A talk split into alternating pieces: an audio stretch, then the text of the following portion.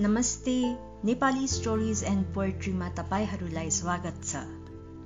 सुरु गरौँ आजको उपकथा। यो लघुकथा लेखिएको थियो मई उन्नाइस सय सत्तरमा। तरल एकाकीपन। हजुरले मलाई बिर्से जस्तो म भित्र एउटा कसक हुन्छ।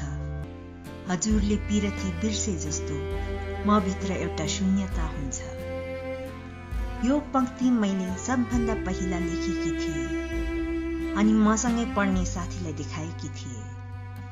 उसले मलाई जिस्काउँदा भनेकी थिए मेरो कुनै हजुर छैन। मैले यो खेलाची गरेर लेखेकी।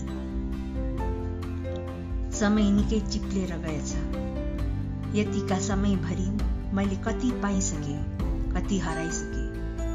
पाइसकेको हमेसा आफ्नै हो।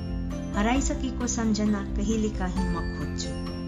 पुरानो डायरी भेटेर पढे जस्तो। पुरानो डायरी जस्तो उसले मेरो फाइलबाट त्यही पङ्क्ति निकालेछ। ऊ सधैँ आउँछ मेरोमा। मेरो सेल्फबाट मनपरी पुस्तकहरू निकाल्छ पढ्छ कहिले लगेर पनि जान्छ।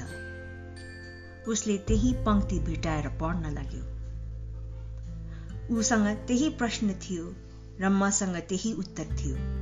जुन धेरै अघि मेरो साथी र मसँग थियो।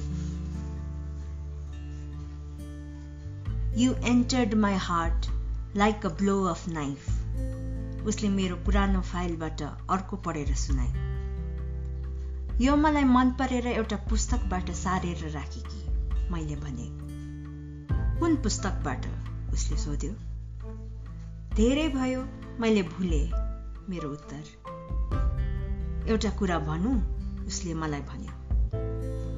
खुसीसँग मैले भने तिमी अब लेख्न बस्दा टेबलमाथि एउटा रुमाल राख।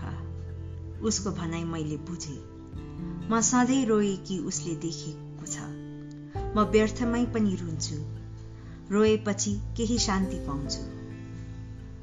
मैले भावुक नभई भने यसमा के हुन्छ त? बाइरन सिरानी मुनि पिस्तोल राखेर सुत्थे। भिक्टर ह्युगो उठेर लेख्थे समरसेट मम जहिले पनि लौरो बोकी हिँड्थे। जनसन जहिले पनि अघिपट्टि बिरालो राखेर लेख्थे। म चाहिँ रुमाल राखुँला। ऊ हाँस्यो म पनि हाँसे दुवैको हाँसोले कोठा भरियो।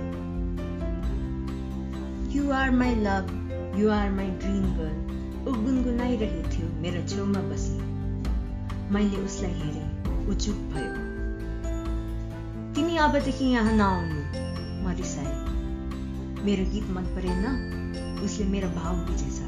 म बोलिन उसले क्षमा माग्यो। तिमी सब कुछ भन तर यहाँ नआउ न भन उसले भन्यो। मलाई लाग्यो ऊ होइन ऊ भित्रको एउटा दर्द बोल्यो। मेरो पुरानो डायरी फेरि पल्टाउन पर्यो। ऊ आज जान्छ र कहिले पनि फर्केर आउँदैन। मलाई भेट्न आएछ। आजसम्म मैले केही मागिन। आज माग्न आएको छु उसले भन्यो। के? प्रत्युत्तरमा ऊ बोल्यो तिम्रो त्यो पङ्क्ति।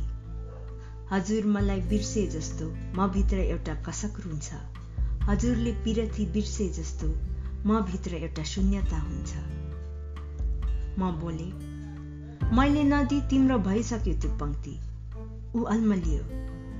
मेरो आँखालाई बुझ्यो तर बोलीलाई बुझेन। कुरा घुमाए। अर्थात् तिमीलाई मुखस्त भएछ। उसले जिद्दी गर्यो। दिएको र आफै लगेकोमा धेरै भिन्नता छ। मैले उसलाई यो पङ्क्ति फाइलबाट झिकेर दिएँ। ऊ गयो। दैलोमा पुगेर ऊ बोल्यो यो पङ्क्तिको बदलीमा तिमीलाई पनि मैले एउटा छोडेर गएको छु। You are my love you are my dream girl ऊ गइसकेको थियो। उसको र मेरो अब भेट हुँदैन पनि। एउटा सपना जस्तो एउटा दर्दनाक सपना जस्तो। अब ऊ फर्केर आउँदैन यो गाउँमा यो कोठामा। उसको सम्झना यो कोठाको प्रत्येक चिजमा छ। उसको गीत गुन्जिरहेको छ कोठाको भित्तातिर। र मलाई लाग्यो हमेसा यहाँ स्वर गुन्जिरहेछ। तर अब मैले यो पुरानो डायरी च्यात्नुपर्छ। पुरानो यादलाई खोज्नुहुन्न जहाँ हमेसा एउटा आहा हुन्छ एउटा व्यथा हुन्छ। ऊ भन्थ्यो तिमी सपनालाई समात्न सक्दिनौ। यो केवल आँखाभरिलाई हो। एकाकीपन ठोस हुँदैन। तरल हुन्छ र यसले भिजाउँछ पनि।